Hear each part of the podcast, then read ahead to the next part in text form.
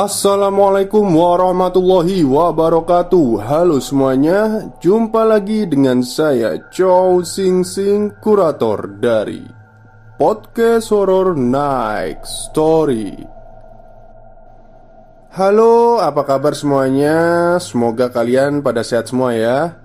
Dan seperti biasanya pada malam hari ini Saya kembali dan akan membawakan sebuah kisah mistis untuk kalian semua Kisah mistis kali ini saya dapatkan dari Twitter Dari akun yang bernama @penulismalam94 Jika mau follow silakan. Ceritanya bagus-bagus loh. Dan saya mengambil salah satu cerita yang berjudul Pemandi Jenazah. Seperti apa kisahnya? Mari kita simak. Balik lagi ke tahun 2010-2011 Waktu itu Mimin masih sekolah SMA Ya unyu-unyu dan sedikit menggemaskan. Pas di sebelah rumah Mimin itu ada aki-aki Yang berprofesi sebagai pemandi jenazah Atau memandikan jenazah. Sebut saja namanya Kiparmin Nah, anaknya Kiparmin ini yang menceritakan kisah horor sang bapak ketika diberi tanda oleh seorang calon dalam tanda kutip customernya. Assalamualaikum. Terdengar suara perempuan bertamu. Waalaikumsalam. Oh iya teh, silakan masuk. Jawabku mempersilakan masuk. Cep, bibi Srinya ada? Tanyanya. Oh, ada teh. Tak lama kemudian muncul Sri. Eh, masuk sini kom Iya Bi Maaf ya Ini saya jadi terlambat datang ke sini Soalnya Kokom nungguin bapak dulu Loh Bapak emangnya ke mana? Apa habis dari kebun? Tanya Bi Sri Ah bukan Bi Bapak habis dipanggil suruh mandiin jenazah Dari salah satu warga kampung yang ada di atas sana. Cuma yang ini agak beda ceritanya Bi. Almarhum meninggal karena bunuh diri. Makanya Dimandiinnya agak lama sama bapak. Hah? Innalillahi wa innalillahi roji'un Terus gimana ceritanya kom? Tanya Bi Sri semakin penasaran Kokom dengan senang hati menceritakan kronologis kejadian horor Satu hari yang lalu Sebagai tanda firasat yang diberikan si calon customer kepada Pak Parmin Sambil membantu merajangi sayur-sayuran untuk pesanan catering Pak Parmin dari dahulu dikenal sebagai pemandi atau pengurus jenazah di kampung itu. Tak hanya di kampungku saja yang memakai jasa Pak Parmin, melainkan sampai beberapa kampung di sekitar. Nama Pak Parmin ini cukup dikenal sebagai pemandi jenazah. Karena seringnya beliau mengurusi jenazah, Pak Parmin ini seperti menjadi peka dengan firasat-firasat yang diberikan dari orang yang mau menyewa atau sudah menyewa jasanya sebagai pemandi jenazah. Tak jarang Pak Parmin ditemui lewat mimpi atau didatangi arwah sekedar mengucapkan terima kasih sudah memandikan jenazah saya atau Pak tolong mandikan jenazah saya ya. Baginya itu bukan suatu hal yang menakutkan Pak Parmin juga sering memandikan jenazah dari berbagai macam keadaan. Ada yang meninggal karena sakit, dan ada juga yang meninggal karena kecelakaan, dan bahkan ada pula yang meninggal karena diguna-guna. Menurut Teh Kokom, sangat jarang ayahnya memandikan jenazah karena bunuh diri. Adapun satu kali peristiwa dahulu sang ayah pernah mengurus jenazah meninggal bunuh diri karena meminum racun serangga. Setelahnya, ia tidak pernah lagi menemui kasus memandikan jenazah yang bunuh diri. Teh Koko mencoba mengingat-ingat peristiwa satu hari yang lalu sambil mengerutkan kening. Ia bercerita ketika sang ayah merasa seperti diikuti oleh sebuah bayangan hitam. Saat itu, si ayah menyapa, "Assalamualaikum ya ahli kubur, siapa ini yang datang?" Tiba-tiba ada semilir angin di tengkuknya. Pak Parmin mulai agak merinding. Ia membatin-batin. Ini tumben saya dikasih firasat hawanya agak menyeramkan. Ah, mudah-mudahan arwah yang meninggal bisa kembali dengan tenang. Doa Pak Parmin lirih di dalam hati. Sekitar Ba'da Isya di hari yang sama Sang ayah bercerita jika dirinya samar-samar mendengar seseorang meminta tolong diri Pak Parmin lantas menanyakan kepada Kokom Apakah Kokom juga mendengar hal yang sama? Kom, Bapak kok dengar ada orang minta tolong ya? Apa kamu juga dengar Kom?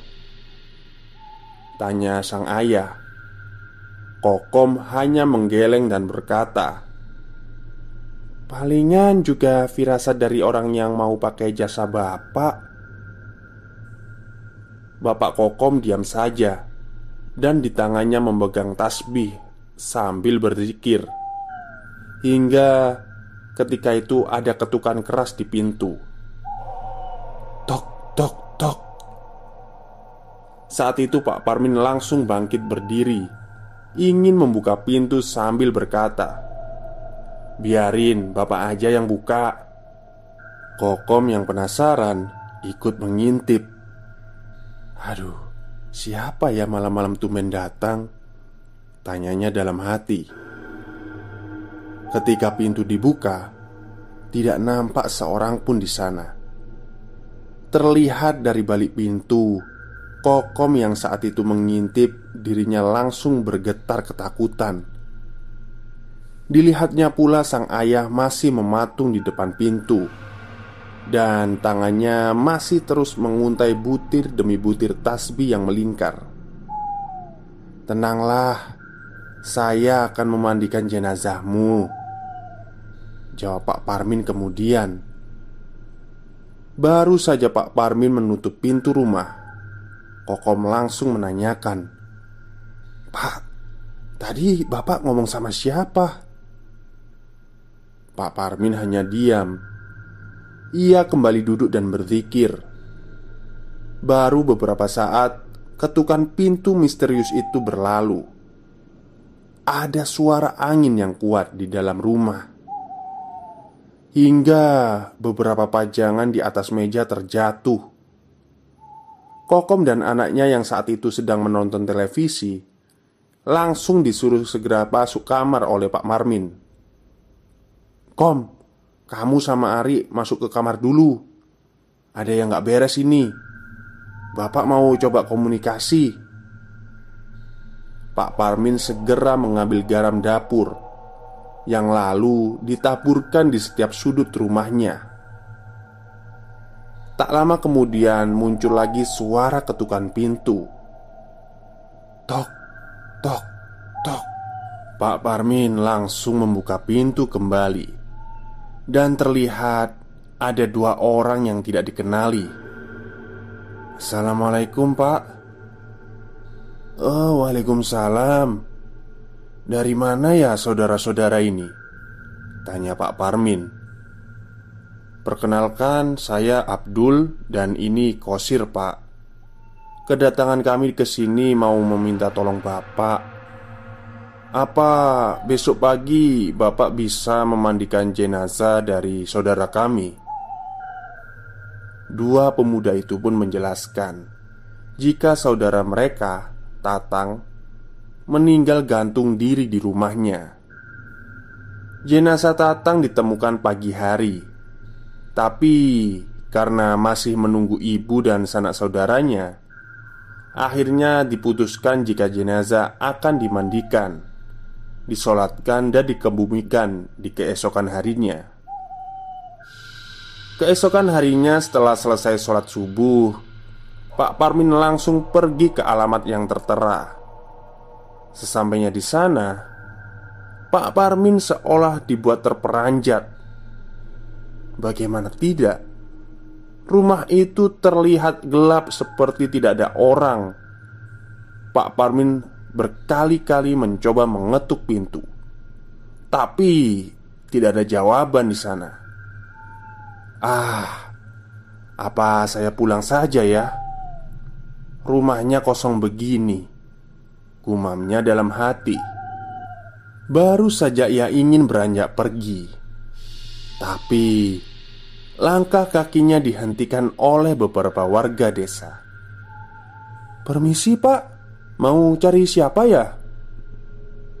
"Oh, Dek. Anu, kebetulan saya dipanggil untuk memandikan jenazah dari Pak Tatang yang katanya kemarin meninggal." "Loh, kami yang warga di sini kok malah nggak tahu ya, Pak?" Tetapi memang dua hari ini Pak Tatang juga nggak kelihatan keluar rumah tuh Ucap salah satu pemuda Singkat cerita setelah kedatangan Pak Parmin Desa tersebut digegerkan dengan berita jika Pak Tatang telah meninggal dunia. Pak Parmin seolah-olah meyakinkan warga desa setempat Jika ia memang didatangi oleh dua saudara korban. Oleh karena demikian, sang kepala desa akhirnya memutuskan untuk mencoba mendobrak paksa rumah dari Pak Tatang terkait pembuktian benar atau tidaknya jika Pak Tatang sudah meninggal.